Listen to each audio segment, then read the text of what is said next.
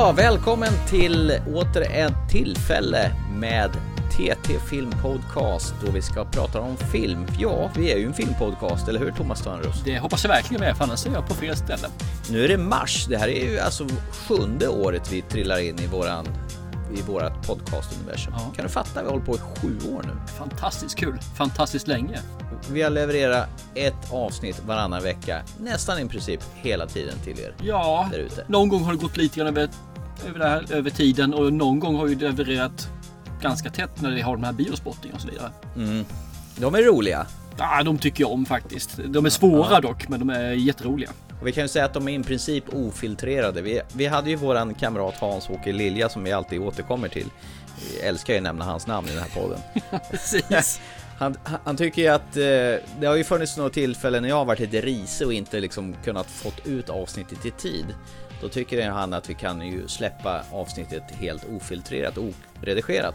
Men det gör vi ju i princip med de här biospotting-programmen. Ja, ja, de eh, s- spelade vi in innan dagen och så släpper de bara en, två dagar efter oftast. Så att det, är ju i, det är ju bara lagt på musiken i början och slutet. Så är det ju faktiskt. Så är det. Så nu kan du ju sluta gnälla Hans-Åke Lilja att vi inte släpper ofiltrerade avsnitt. Och när det handlar om Hasse nu så klart är det, nu får han hitta något annat att gnälla på istället. Gn- Gnälla. Gnälla. Du, innan vi sätter igång och pratar om, eh, vi har tre filmer att prata idag, så vill jag lyfta en sak som eh, har börjat gått i absurdum. Det har ju länge snackats om väl om att eh, det ska göras en femte Indiana Jones-film. Jag tror den blev redan 2016 så gick ju George, eller Steven Spielberg ut med att han eh, skulle göra den här filmen då. Sen har han gjort film på film på film på film emellan. Det har varit dåligt manus, de har kastat manus, de har bytt manusförfattare. Och, eh, Harrison Ford, han blir ju inte direkt yngre med tiden. Och nu när de äntligen har eh, gått ut med, jajamän, juli 2021, då kommer Indiana Jones 5 och Harrison Ford kommer vara 78 år när den filmen har premiär. Han är nästan 80 gubben. Och nu senast, då har Steven Spielberg gått ut att han kommer inte längre regissera den femte Indiana Jones-filmen. Då ska istället regissören James Mangold, han som gjorde Ford vs Ferrari och Logan bland annat, stå bakom registolen. Och det här menar Steven Spielberg på att han ska låta nya eller yngre regissörer med fräschare ögon ta över franchisen och föra den vidare. Men vad då föra det vidare? Det här ska ju vara sista filmen Harrison Ford gör och han menar ju på att karaktären kommer dö med honom. Ja, Så- men du sa ju själv att han var 78-79 år gammal. Ja. Men när han väl har coolat så kan man göra vad man vill med franchisen i alla fall ju. Och det är ju inte han som äger den fortfarande så att det, vad en Harrison Ford vill så spelar ingen roll egentligen. Nej, men det som är konstigt är att Steven Spielberg har väl haft det här som sin bebis ända från start. Och med tanke på att han kliver av eh, och inte vill regissera den här filmen längre eh, kan det vara så att han inte tror på projektet. Att det här kommer bli någonting att ha. Nej, jag tror faktiskt inte det. Jag tror nog mer att det är att han kommer vara väldigt aktiv som en eh, producent istället. Och han kommer vara väldigt, väldigt inne och peka och säga nej, du ska inte göra på det, du måste göra här borta. Och sen säger han du har fria, fria händer och gör precis vad du vill så länge du håller dig här borta. Det är så märkligt, liksom, det har ju gått så länge, gått i stå, nu när de verkligen gör ett grönt ljus på att nu jäklar, nu kör vi det här. Och sen helt plötsligt går det bara någon månad och kliver han och säger att Nej, men jag kommer inte regissera den längre. Det gör ju liksom att luften går ur lite grann tycker jag. Tycker du? Jag tycker faktiskt för tvärtom. Men nu blir jag lite mer pepp på den. Blir det det? Ja, för Steven Spielberg tycker jag gör junkfilmer nu på äldre dagar alltså. Det senaste han nu har gjort nu, det är en nyinspelning av West Side Story. En musikal för all del. Det kommer ju du se fram emot va? Mm, jo då, absolut. Nej men eh, vad har han gjort för någonting som är bra? På de sista åren? Eh, Du gillar ju den här Bridge of Spice, gjorde du inte det? Den var helt okej, det var den faktiskt. Ja, du ser. Den gillar du ju. Ja, okej då.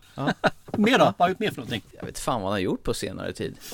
Riktigt ärligt talat. Ja, jag har ingen koll på det heller men Warhol, han gjorde en, en krigshäst. Warhorse, just det. Warhorse gjorde han ju. Det har inte jag sett så jag kan inte säga någonting om det men Nej, inte jag heller. Jag kände liksom att det här skiter jag i.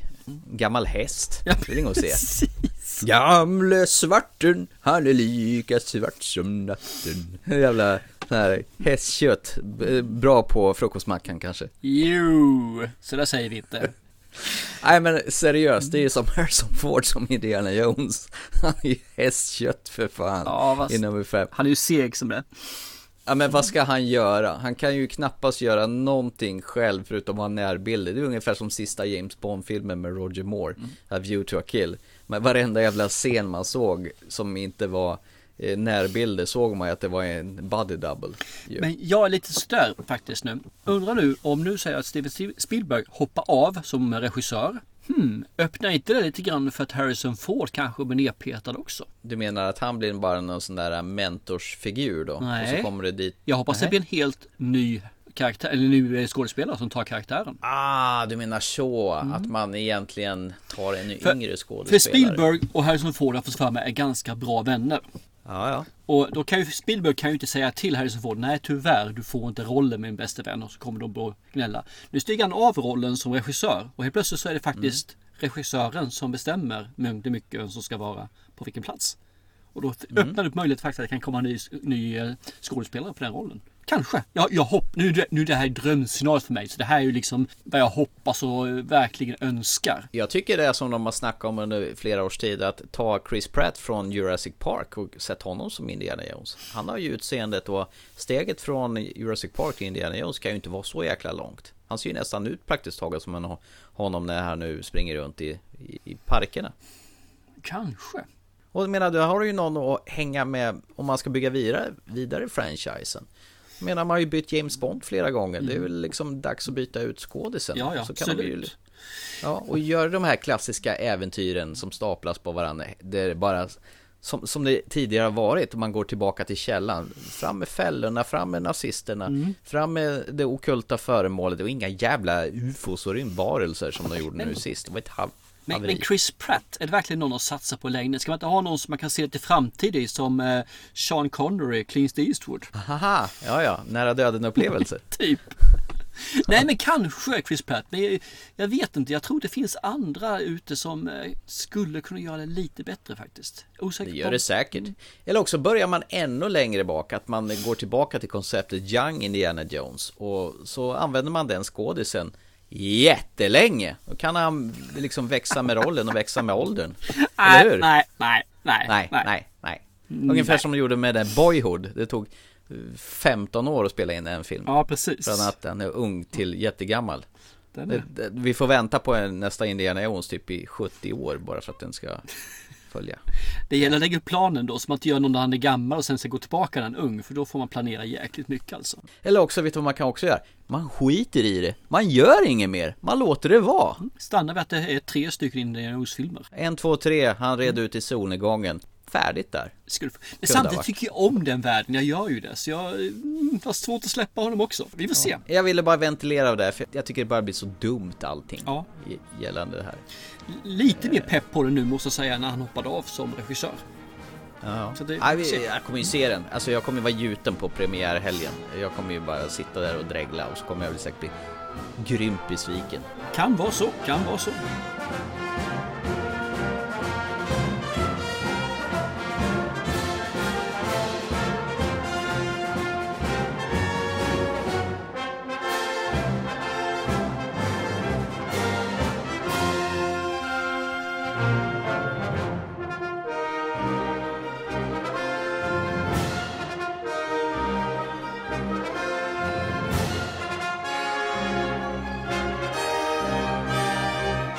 Hör du, vi har ju, har ju våran kära programpunkt där du hånar dina barn över deras okunskap eh, och sen efteråt så ville ju du slå på stora trumman. Kolla här vad pappa har visat. Varför har ni inte sett tidigare för? Va? Va? Va? I segmentet Thomas Törnros läxar upp sina barn i modern filmkonst. Den här filmen vi ska prata om nu är inte en storslagen film. Men det är en film som jag tyckte var rätt kul när jag såg den. Är det en avslagen film då? Om den inte är storslagen? Eh, den är, ja, det är kanske mer slag under bältet kan man väl säga egentligen. Men den är gjord 2009. Och vi har ju några stycken av eh, fina skådespelare. George Clooney bland annat är en. Jeff Bridges gör faktiskt en riktigt eh, god roll i den här också. Vi har Stephen Lang är med också i den här filmen. Och så har vi ju givetvis också Kevin Spacey. Mm, den mysiga farbrorn. Ja, precis. Och Evan McGregor. Ja. Och det här handlar om egentligen Det handlar om USAs armé som har tränat upp Jedi Warriors.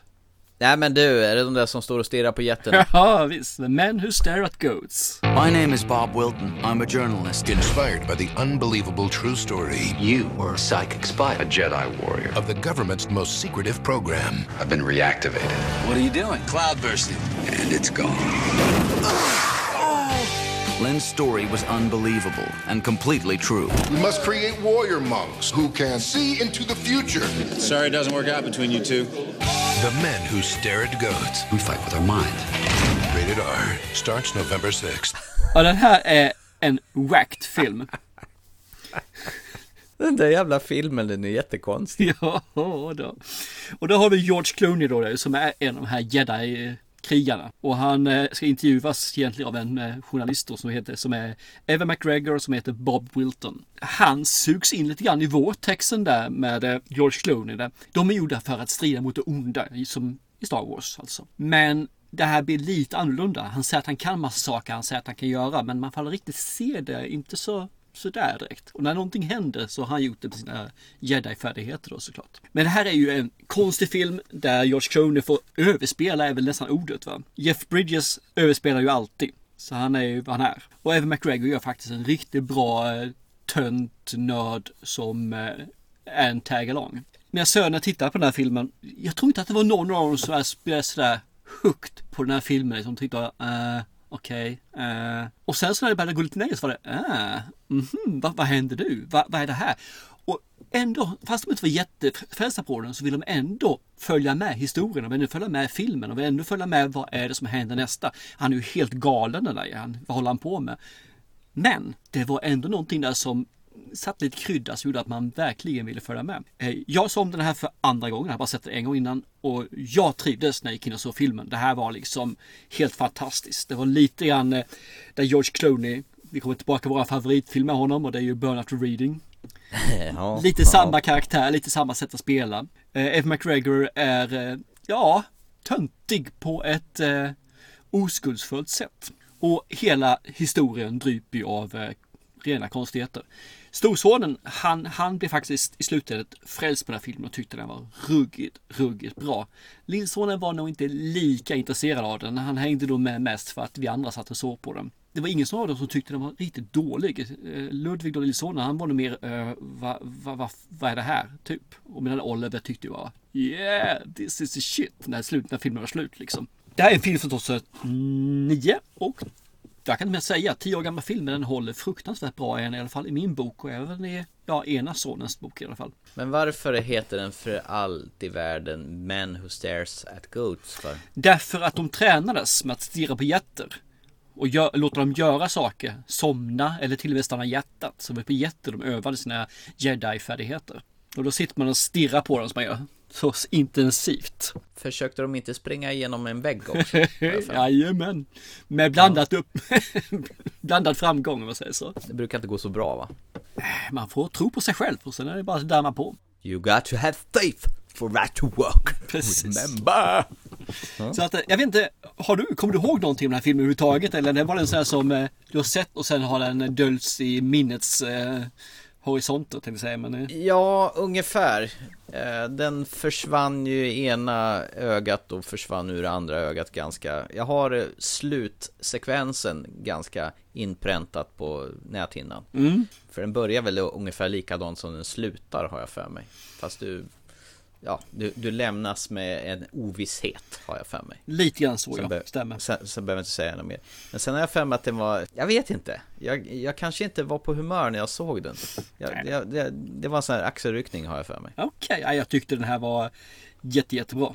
Så att eh, det här var eh, the shit för mig. Det är bara för att jag älskar George Clooney. Det har ju alltid varit din husgud och kommer alltid vara det också. Även fast han gör reklam för näskaffe numera. Kan vara så, kan vara så. Nej men fasen ska man ge åt det? Ja, jag vet inte. Nej men vad kul att du tyckte om den och att dina barn eh, tyckte om den också. Det, det var ett kärt återseende, det måste man säga. Så jag, jag kan rekommendera att titta på den. Tycker man lite konstigheter och framförallt tycker man om George Clooney så ge den en chans.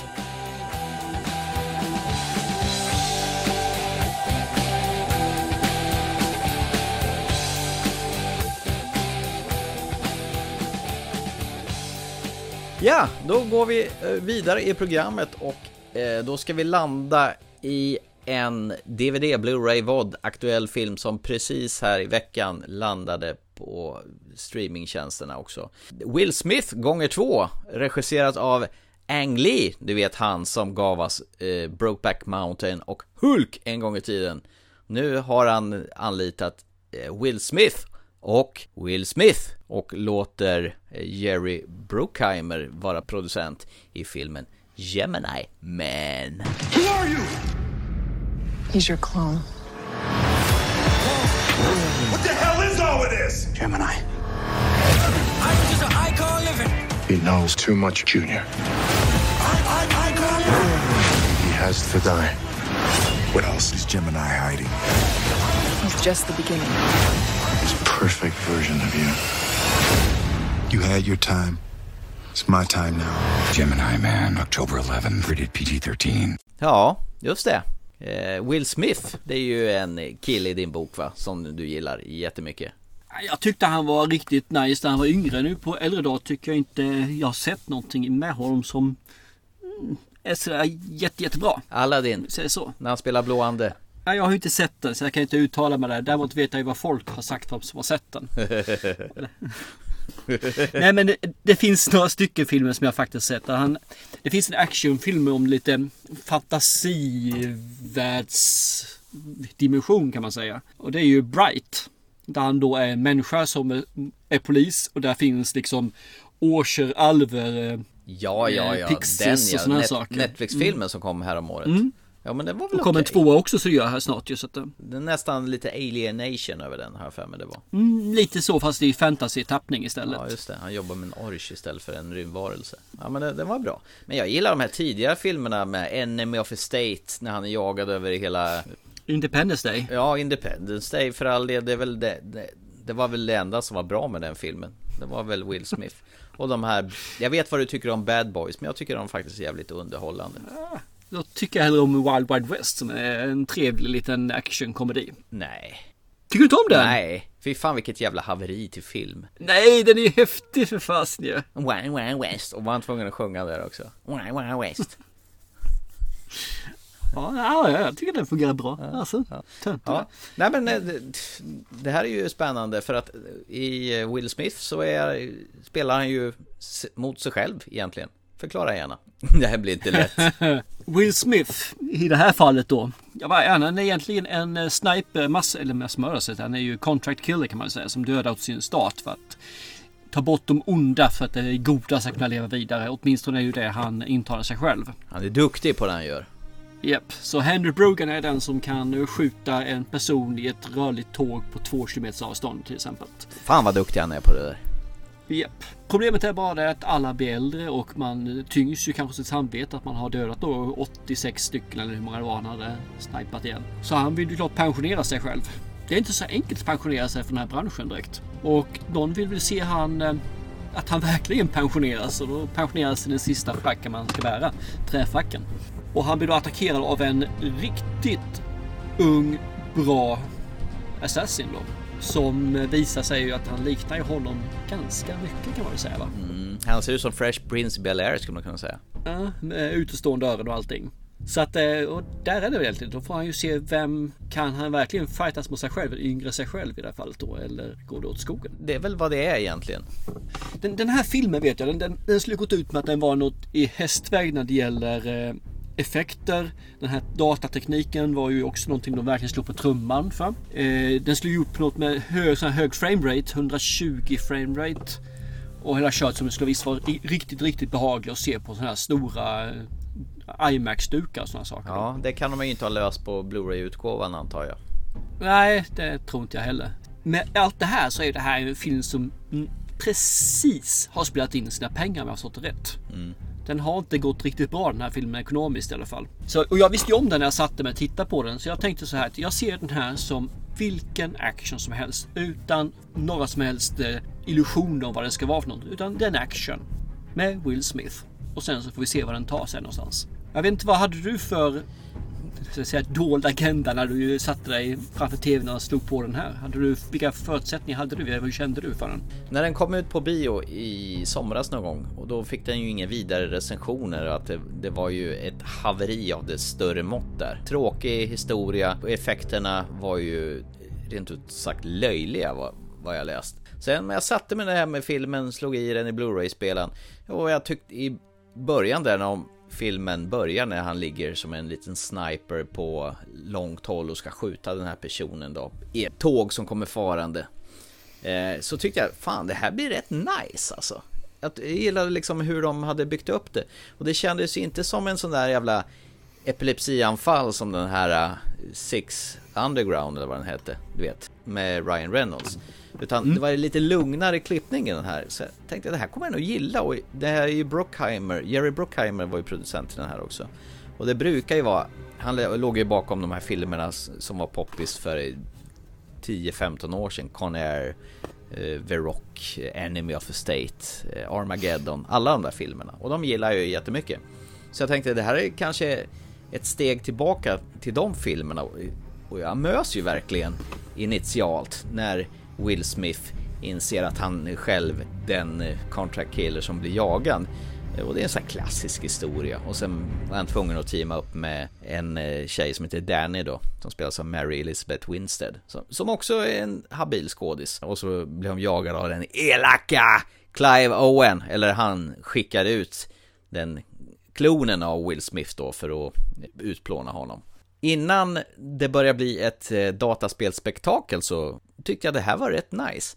Men så fort den här eh, unga Will Smith kommer och de ska börja fightas mot varandra, då ser man ju så himla väl att det är ett tv-spel man har att göra med. Det här fysiska lagar som är på riktiga människor helt plötsligt upphör. Man ser så himla väl att det är studsboll, att det, det har inte hänt ett jävlaste smack sen Spiderman, den första Sam Raimis, när, när när de presenterade Spindelmannen som såg ut som en blå studsboll. Det är ungefär på samma nivå där tycker jag.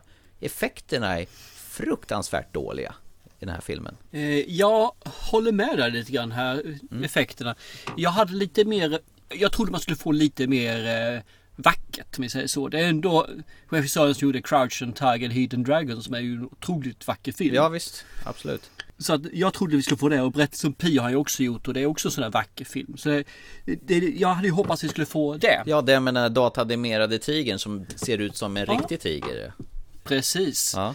Och, och så säger liksom att actionscenerna, bara själva scenerna och det som händer, det är rätt coolt tycker jag. När man ser på det liksom.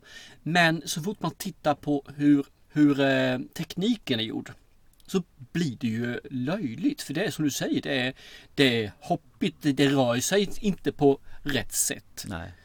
Tv-spelen är ju fan så mycket bättre än de här och då har de en budget på flera hundra miljoner. Mm. Så det är ju fruktansvärt dåligt själva actionscenerna. Sen måste jag säga att när man tittar förbi actionscenerna och förbi den här dåliga tekniken så tycker inte jag filmen är dålig. Det, det är en helt okej okay skriven berättelse, helt okej okay filmad. Mm. Skådespelarnas prestationer är helt okej. Okay. För att vara en actionfilm så är det faktiskt mer än okej till och med i vissa fall. Men de dödar ju filmen med det här eh, actionsceneriet alltså. Mm, visst gör de det. Nej, men det, det är som jag säger, fram till dess, den, innan de börjar blanda in de här dataspelsfigurerna så tycker jag det är faktiskt en riktigt skön actionrulle. Med sköna miljöer, de åker båtar och de är kors och tvärs över Jag gillar när, när de globetrottar i filmer som de gör den här. Mm. De är på olika kontinenter. Det, jag är jättesvag för det. Det är lite typ som i James Bond-filmer, där man är högt och lågt och så. Det behöver inte vara någon sån här super komplicerad handling utan det är en sån här man kan luta sig tillbaka men när det upphör och de, tycker, de har gått på stora trumman och tycker att tekniken, det här är en film som har tagit jättelång tid att producera för att tekniken har inte funnits än. Nej, tekniken finns fortfarande inte för det ser för jävla illa ut. Och likadant när Will Smith sitter bredvid sitt yngre jag i en bil och den här klonen pratar och man ser på tänderna. Det ser ut som i de gamla PS3-spelen där de har svårt att få till tänder, eh, alltså riktiga tänder. Man är inte ens där än, 2020. Jag förstod inte riktigt varför de var tvungna att använda Will Smith som sin klonade person om man säger så. Varför kunde man inte använda någon annan person istället? För du behöver inte vara identisk. Du kunde tagit någon som är ganska lik och så hade man kunnat göra vad heter det, animerat runt det. Bara, bara, bara precis runt det. Ja, men det hade vi räckt att ta en svart kille med utåtstående öron så hade det varit till Will Smith. Ja, men det behöver inte ens ha utåtstående öron. för Han har ju inte utåtstående öron nu så han inte har ju. Jo, det, Så måste han ha det. det har han ju. Han ser ut som Dumbo. Han kan ju flyga iväg ju. Det tycker du är elak. Nej men jag håller med, de kunde ha tagit en vanlig skådespelare. Man behöver inte gått i det dataanimeringsspåret. För jag, jag tycker det blir löjligt. Filmen tappar ju totalt eh, pulsen totalt med det. Jo men det är ungefär som man gör sån här based on a real story. Då ska det vara att de ska se så lik som möjligt originalet, den verkliga personen. Varför då? Det är ju bara based on. Då behöver man inte ha en liknande. Du kan ha en person som är helt olika. Det är bara att de beter sig och gör sakerna som den här personen är. Det är ju därför det kallas acting. Du behöver inte, det är liksom inte copying. Så att jag blir lite så här, Jag blir inte irriterad om inte personen liknar. Jag hade inte blivit irriterad om inte jag hade vetat att det var Fresh Prince i Bel-Air-figuren som kom. Utan jag hade haft någon annan. Jag hade köpt det. Bara den hade varit någorlunda lik. Så hade jag tagit klockrent. Ja, I värsta fall har väl han, de kunnat dubbat den karaktären så han lät som Will Smith åtminstone då. Det, det går ju att fixa liksom. Ja. Och det, för det, storyn är helt okej. Mm. Storyn är bra. Det, det, grundmaterial tycker jag är kul att leka med. Men de gör ju bort sig när de försöker göra allting med digitalt. Med det sagt så tycker jag ju att bortse från de här action. Några av fighting-scenerna är faktiskt helt okej också. Det är inte alla som är dåliga. Det, det ska man inte säga. För en del av action-scenerna är faktiskt riktigt nice. Ja, de motorcykelscenerna är rätt okej faktiskt. Ja då, absolut. Mm. Det finns det. Och det finns en del actionscener i slutet också där det inte utan det bara är Will Smith och eh, några till. Då blir det också, för då blir det inte animerade på det viset. Eh, så det fungerar bra. Jag vet att den filmen har fått jättemycket skäll. Den har fått väldigt, väldigt dålig kritik. Men jag kan inte, jag kan inte sälla mig till den skalan alltså, för jag tycker den här filmen är, den, är- den är okej. Inte jätteokej, men den är okej. Det är liksom en popcornfilm som jag kan njuta av om jag bara ser förbi de här lusiga effekterna. Vilket jag gjorde genom att jag skrattade åt det istället och tyckte att det var en kul grej. Kan du inte göra det utan tycker att det här förstör filmen totalt och sen kan du inte njuta av filmen efter. Ja, då kan du inte se den här filmen. Du måste kunna se dåliga effekter och fortfarande se förbi det. Så jag, ja, jag njöt av filmen faktiskt så sett som, som den actionen var. Med de små flugskitar som eh, animeringarna var då om man säger så. Så okej film. Ändå hade de använt sig av Weta Studios, alltså Peter Jacksons studio, till att göra detta. Jag är benägen att hålla med dig, jag hade ju inte tråkigt någonstans utan det var ju en underhållande film. Diabolisk skurk i Clive Owen, han får ju bara spela sådana figurer nu, numera. Eh, Men det gör Ja, ingenting. och jag tycker det är så kul för att det är en, en skurk med lite bottnar. Så jag tycker den var bra, det var en bra skurk. Absolut, och jag gillade Will Smiths sidekick som, han, som hänger med. Eh, Danny då. Ja, absolut. Mary Elizabeth Windsor. Hon ser Mm. ut som en vanlig sån här average girl next door. Hon gör det jävligt bra. Hon är tuff, stenhård också. Men det var ju även i Cloverfield Lane, 10th Cloverfield Lane. Därifrån jag kände igen henne. Gud vad jag har funderat på, jag har sett henne tidigare. Nu. Ah, okej. Ja, Jo då, därför där var hon ju riktigt bra ja det är tycker jag hon, också. det är hon som är instängd ja, genom hela filmen. ja. Så det, me like, Mm. me like henne. Hon har eh, framtiden för sig, det tror jag. Det, det är en liten kul grej för han har ju en sidekick också ju. Major. Ja, just det. Mm. Eh, vad heter han? Benedict Wong. Ja, han är den asiaten ja. Ja, han som ska ordna till så att det finns ett flygplan framme och bilar och andra saker. De ska göra den här globetrotter-resorna så måste han ju vara med. He knows a guy that knows a guy. Det är intressant, jag har inte tänkt på innan men han är ju med i Avengers-filmerna också ju. Eh, och ja visst alltså, Avengers Endgame är han med i. Och så är han ju med i, vad heter den nu för något, den här eh, Jösses, nu har jag glömt bort vad han heter. Där, där han, eh, när trollkarlen är med, Doctor Strange. Jaha, ja det är han ju förstås. Mm. Och, och gissa vad han heter där? Eh, Han heter Wong. Precis!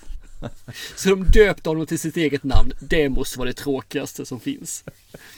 Jag vill ha ett coolt namn. Nej, du ska heta Wong. Ja. Nej men det får jag heta i alla filmer. Ja, gnäll inte. Du heter Wong. Du ser ut som en Wong.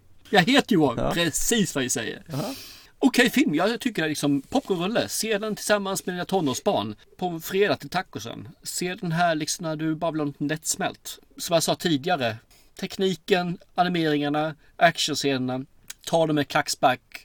kan du inte göra det, stänga av filmen med en gång för det blir inte bättre. Nej. Fast när Will Smith är Will Smith så tycker jag han är rätt bra i den här. Absolut, han är, han är en stabil skådespelare så han är faktiskt. Nej, jag har inte så mycket mer att, mer att sä- säga utan tyvärr så är vi rungande överens för en gångs skull.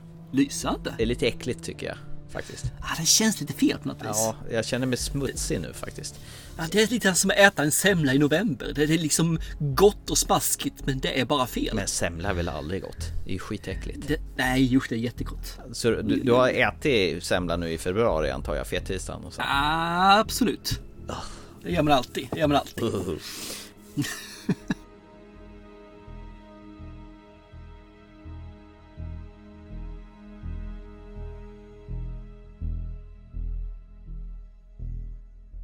Vi lämnar väl då Gemini Man, eh, Will Smith och eh, går över till nästa film och det här ska bli väldigt spännande att se om vi är lika överens om. det här var ju en film som jag tyckte, åh titta den där finns! Kolla med din kompis på Sony Universal ifall vi kan få varsitt recensionsex. Det här är nog en konstig härlig rulle. Jag pratar om en mördarklänning i filmen In Fabric. A purchase on a horizon? I'm just looking, thank you. The hesitation in your voice, soon to be an echo in the recesses of the spheres of retail. The dress is your image, onto what you project through an illusion. I'm just going on a date. I don't normally wear this kind of thing. Be bold. Your date will compliment you. Ja! Nu du! Den här, den här kan du få ta vad den handlar om. Ja, det, det kan jag absolut göra. Du gjorde precis det, mördarklänning. Okej. Ja, det, är, det är en spökhistoria egentligen. Det handlar om eh, en besatt klänning då som dyker upp i en sån här exklusiv butik och en, vad ska, en frånskild svart dam kommer in som heter Sheila kommer in och eh, vill köpa en klänning. Personalen på den här väldigt udda klädaffären vad ska man säga, de är uppklädda på, ser ut som någon sån här 1800-talstanter nästan. Eh, Mm. Pratar med henne på ett väldigt specifikt sätt. Eh, hon hittar den här röda klänningen, hon, vad är det för storlek? 36 säger hon då, men jag har inte 36. Ah, det låter inte det begränsa dig, säger hon. Prova den så får du se. Dimensioner av din ypperliga karaktär ska inte begränsas av klänningens inre måttnad eller något sånt där. Liksom. Ah, det är så konstigt språk så jag blir... Hon, hon är väldigt knepig den här som verkligen, men vilken jävla säljare hon är, måste jag säga. Ja, hon- hon lyckas absolut. Ja, hon lyckas ju sälja på eh, henne klänningen då, så hon går ju hem då. Hon har ju lite tufft med sin eh, stora tonårsson då som har dra dragit hem en äldre kvinna då som hon får sitta och lyssna på medan de gökar då inne på hans rum. Och sen försöker ju hon börja dejta eh, andra män då för att eh, hon är ju frånskild. Och det går ju lite sisådär. Men den här klänningen eh, vill ju annat då. Eh, Den vill ju inte tvättas för då går tvättmaskinen sönder och den lämnar ju så att säga spår på sig genom att ha den där. Eh, Och det ena tillfället blir konstigare och konstigare. Och så jobbar hon dessutom på en bank och har två stycken chefer som behandlar henne ganska illa kan man säga. Konstigt är väl ordet alla fall. Ja, verk, verkligen två konstiga chefer då, som är väldigt intresserade av henne, vad hon gör på sitt privata. Man får ju knappt gå på toaletten när man jobbar på den här banken. Det var lite sidospår där. Men den här klänningen har ju en väldigt central roll i filmen och den tar väldigt eh, märkliga vändningar. En, mörd, en film om en mördarklänning kan man säga. Absolut. Som en fotnot så jag vill säga att när eh, filmen var ungefär halvvägs Mm. så trodde jag den var slut. Och sen fortsatte den. Man blir lite förvånad faktiskt. Jag blev jävligt Man förvånad. mycket förvånad. Ja, absolut. För att den här skådespelaren som spelar eh, Sheila, hon är faktiskt riktigt jävla bra. Marianne Jean Baptiste heter hon. Eh, Mm. Jag tror jag har sett henne också i andra, jag undrar om inte jag har sett i några avsnitt av den här eh, Black Mirror-serien, den brittiska. För det här är ju en, Okej. det här är en BBC-producerad film tillsammans med det var väldigt många filmstudios som rullade igång innan filmen satte fart. Det här är ju ett konstprojekt kan man väl säga. Ja, verkligen. Eh, 80-talsmusiken som spelas. Gud, vilken härlig musik. Det här syntiga. Och Det fick mig liksom tankarna förades tillbaka till de här Dario Argento-filmerna, de här italienska giallo-filmerna. Det känns som inspirationskällan har varit ganska stor. Suspiria fick jag lite grann också. Suspiria! Så det är därför jag undrar nu, lite lätt försynt, eh, och då menar jag ju gamla Suspiria-filmen. Eh, som Peter Strickland, re- regissören, och som båda skrivit den här filmen har nog tagit stor inspiration av. Eh, shoot, nu är jag jättenyfiken på vad du tycker om In Fabric. Vi kan väl börja med att den har till dagsdatum dragit in 184 000 dollar. Massor med pengar. Massor med pengar. Det finns dock ingen uppgift vad den kostar att göra men jag tror inte det kostar mer än 20 000. Nej. Vad ska man säga? Det här är ju en film. Hela filmen är lite off. När hon nu är med sin son som du nämner. Bara son och hon. Då är det ju liksom en familjedrama som är ganska rakt, tydligt och följer mall A7. Perfekt, inget konstigt. Men så fort han har med sig sin flickvän in så blir det ju en ah, kasta mall A7 till åt helsike här liksom. För nu börjar det bli konstigt. Nu vill man lägga in en, det här dramat blir ju en satirisk mörk psykologisk sak av något slag. Inte en thriller utan bara något psykologiskt. Okej. Sen går vi vidare till den affären som har då har sin rea hela tiden här och säljer sina kläder. Nu går vi ju från det här, nu är det ju whacked helt plötsligt alltså. För de pratar konstigt, de är lite grann som lobster-konversationerna de har där. Väldigt styltiga och pratar så här felaktigt men ändå så är det korrekt. Det blir jättejobbigt att lyssna på det. Och sen så ser vi de här i affären själva när de utför lite konstiga eh, rutiner. Det är framförallt en konstrutin när de tre stycken håller på och eh, gör något med en skyltdocka och chefen tittar på. Ja. Den är lite annorlunda kan vi säga. Ja, och skyltdockan råkar ha en liten ryamatta i någon nedre regionerna. Ja, inte bara det. eh, och, och det här är en film med det här sagt. Och sen, just det, sen har vi nästa steg. Och det är när hon går på dejter. Den här damen då. Och alla de här har den här förbaskade rabattkupongen. Om vi delar Ja. på en eh, dessert så kan jag få den gratis. Ja, vi har samma, tar samma efterrätt så kan vi använda kupongerna. Är du med på det? Och de är ju bara, hur, var har ni hittat dem någonstans? Det måste ju vara ensamma särbarn söker vårdare typ. Ja, och de här cheferna då? Vad är det för jävla Ja visst. dårar? Ja, det är också så här skumt som först säger att hon är jätteduktig men Mm. Du har gjort det här och det här. Men det har ju inte hänt. Det har hon sagt. Eller någon har sagt det. Ja. Får inte säga vem för det vore oprofessionellt att tala om vem som har angivit dig. Ja. Och du har vinkat på chefens fru. Hon vinkar ju Ja, tillbaka. precis. Och där kommer Lobster in igen. Ja. Det finns regler här som ingen känner till mer än de som satte reglerna och de har inte talat om det för någon. Det här blir alltså, jag blev inte klok på vad jag såg. Jag blev inte klok på vad de här ville med filmen eller var det allvar, var det en komedi? Nu vet jag att det är en komedi horror enligt IMDB. Komedin är ju i sådana fall jättesvart, jätteudda, kanske inte ens något som är roligt. Kanske säger jag, för jag vet faktiskt inte. Horror, fasen är det som är skräckinjagande med den här filmen överhuvudtaget? Det är ju som en a ghost story som du också ville se. Med det här spöket som har ett lakan över sig hela tiden. Fast är det en svävande klänning? Ja, Så-. Som inte låter sig tvättas.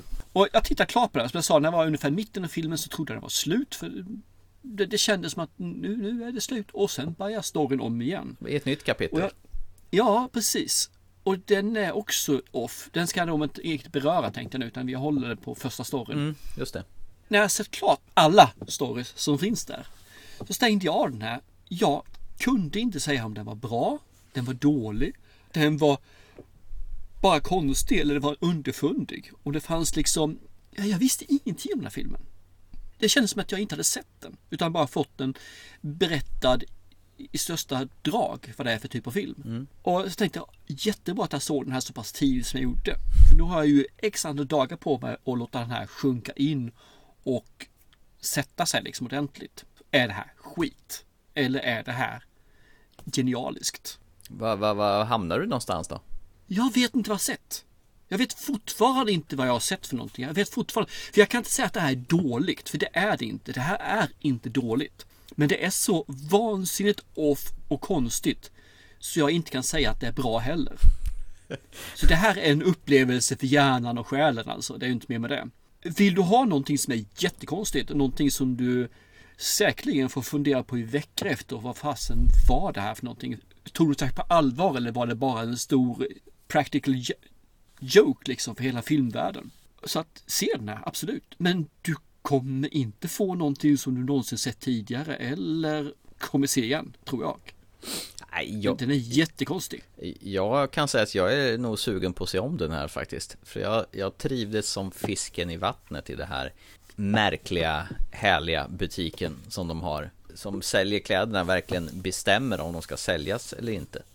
Innan de öppnar butiken så står de ju innanför glaset och vinkar in folk på så här bisarrt vis så man nästan ryser. De står där uppställda i sina gammeldagsa kläder och sen vinkar in så här.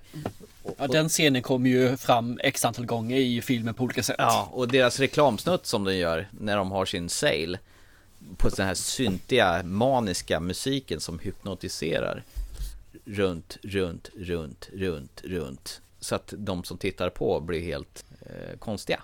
Helt, till, alltså musiken, bara musiken i den här filmen är ju helt förhäxande.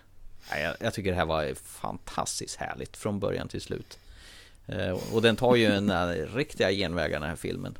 Och jag har aldrig varit med om att en eh, tvättmaskinsreparatör hypnotiserar folk genom att tala om vad det är för fel på tvättmaskinen. Den är ju också konstig. Mm -hmm. Det finns rätt så många här som är konstiga. Ja.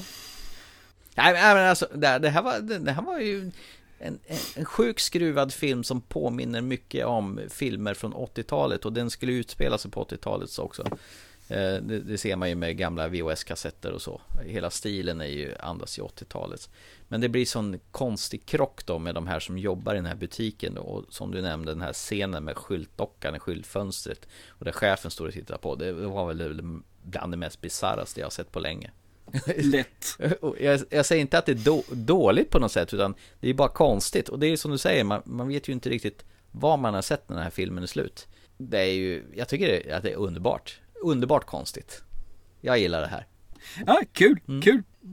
Ja, jag, jag, jag säger inte det fel, jag säger bara liksom att jag, jag fattar inte. Jag måste erkänna. Och jag fick ju sådana här riktigt Suspiria-vibbar. Oavsett om du ja. menar den gamla eller den nya, så det, det var lite Suspiria över detta. Det är ju nog mer den gamla, det jag såg av den faktiskt, ska jag erkänna. Kul mm. att du har hittat en eh, film förresten som du älskar och vill eh, gå till sängs med. Ja, utan den klänningen kanske, för den verkar ju ge men på, på folk som använder den faktiskt. För livet. Mm. Jag gillar den jättemycket. Det här var fantastiskt. In Fabric kan jag lätt rekommendera. Och det är så spännande att den är från 2018 att det har tagit två år innan den landar på Blu-ray och DVD och streaming. Men det är klart, det är en smal film. Det här kommer ju inte tilltala långt ifrån alla, utan det här kommer ju vara en till för en, en endast den här klicken som för udda filmtittare som vill ha någonting annorlunda tror jag. Precis, de som kan tänka sig att köra någonting riktigt annorlunda. Mm. Men bra skådespelare, bra, väl utfört, bra musik, bra visualiserat. Fan, jag har ingenting att klaga på. Mm. Mm. Coolt!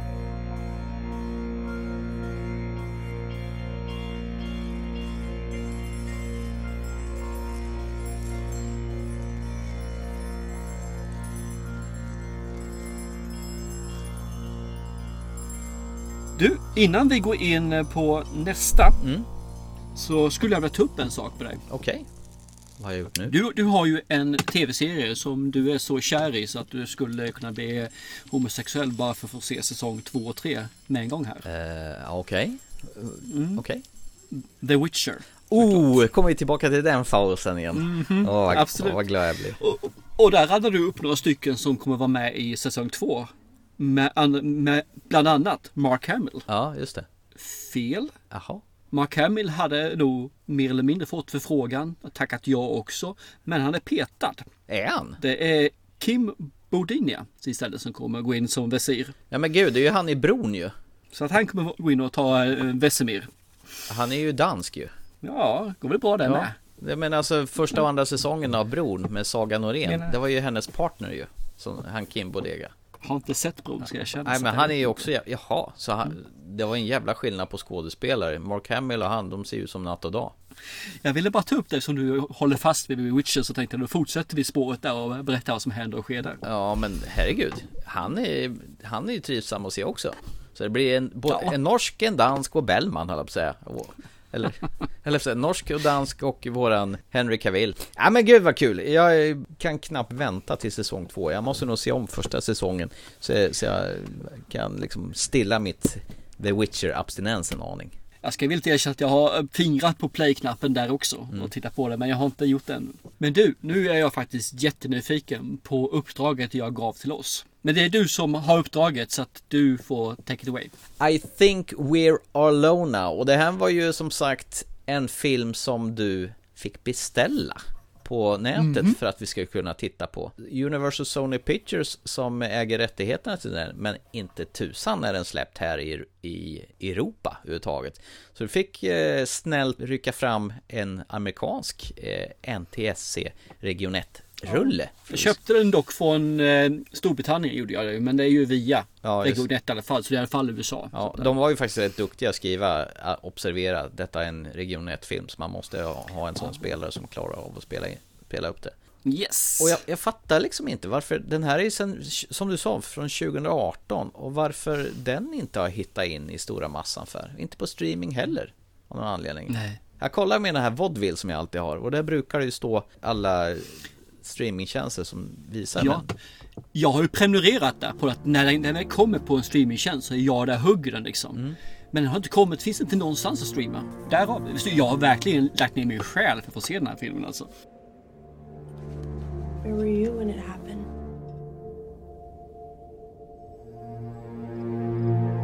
Sleeping. I know what I was doing when it happened. You're never supposed to be here. It was just supposed to be me. Take me with you. Take your fucking hand off the wheel! Då så, I think we're alone now. Då får vi följa våran Tyrion Lannister. Nej, så heter han inte. Han heter Peter Dinklage, skådespelaren, och han spelar Dell. Eh, Han, han spelar en, en kortväxt man. Wow! Ja, inte så konstigt. Och han rör sig runt i ett villaområde eller vad man ska säga och eh, i princip plundrar varje hem där. För, för det finns ingen som bor där längre. Det verkar ha varit någon form av apo... Ah, plundrar! Nej, nej, nej, nej, nej, nej. Nu tycker du är lite väl elak här. Vad- Han städar. Okej, han städar och plockar rätt på det som är viktigt för honom. Batterier är väldigt bra att ha. Och så plockar han det som, och foton gillar han att plocka rätt på. Och sen har han en karta och sätter kryss på det huset där han har städat och så tar han med sig de döda kropparna som, som eh, ruttnar bort och så släpar han med dem bort ute på en åker där han har grävt massa gravar och så slänger han ner dem där. Och sen systematiskt så håller han på där. Beta av hus för hus. Ja, det gör han. Och sen har han sin bas vid något bibliotek där han har jobbat en gång i tiden då. Och, och det här, så fortlöper livet för honom. Det är lugnt och stilla då, i all ensamhet. Endast det helt plötsligt en dag dyker upp en tjej som har krockat med sin bil och sitter avdomnad bakom ratten där. Och när hon pignar till liv där, då vill ju hon egentligen dela tillvaron med Dell. Eh, och Dell vill mest trycka på Delete på den här tjejen som heter Grace då, som tycker, han tycker att han inkräktar hans aura där. Men de eh, får snyggt och prydligt försöka leva med varandra, för hon vägrar ju lämna honom då. Ja, bilda en tillvaro som de två endast ensamma människor, vad han vet, på planeten då. Ja, det är väl egentligen eh, premissen med filmen då.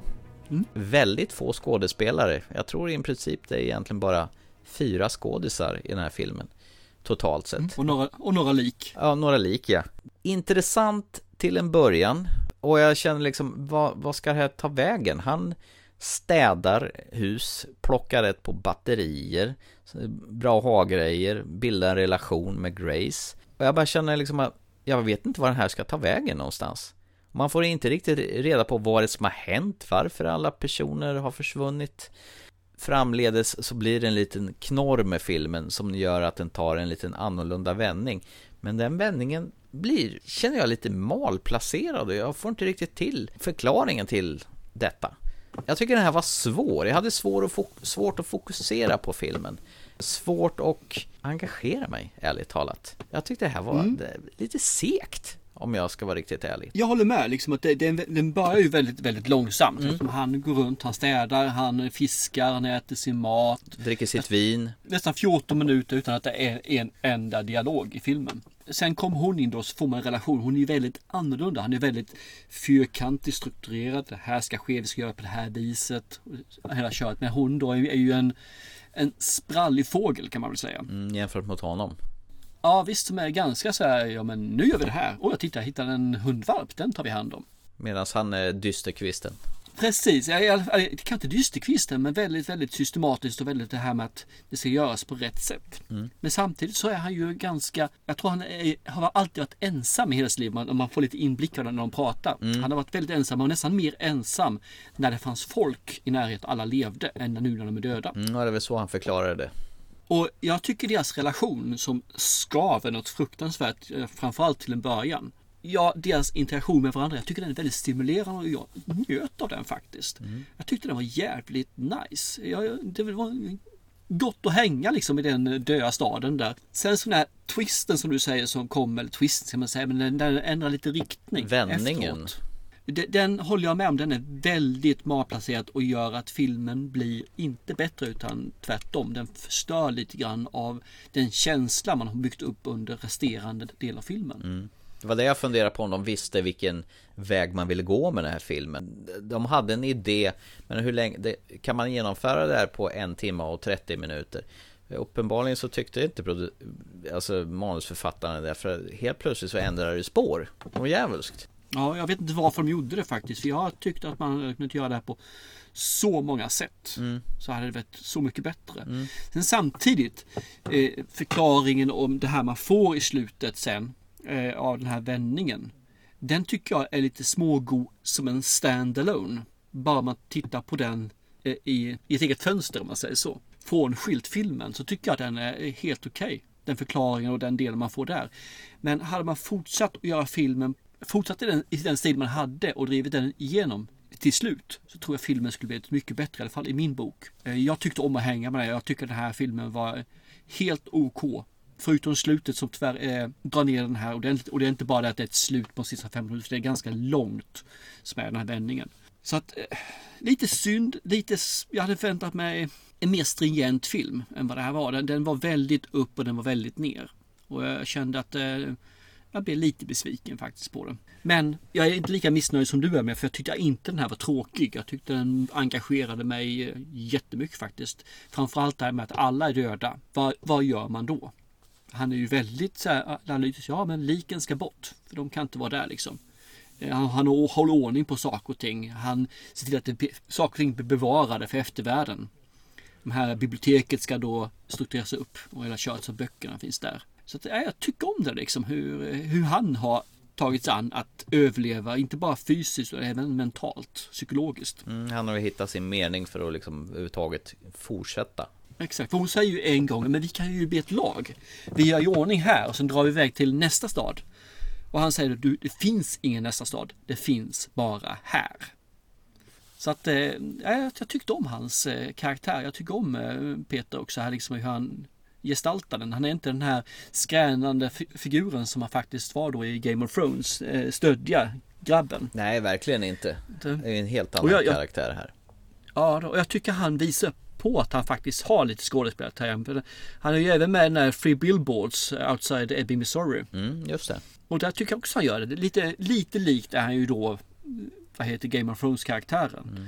Ändå så tycker jag att han visar upp att han kan faktiskt skådespela, han kan göra saker som behövs. Ja, varför inte? Sen är han ju med faktiskt i Infinity War också ju.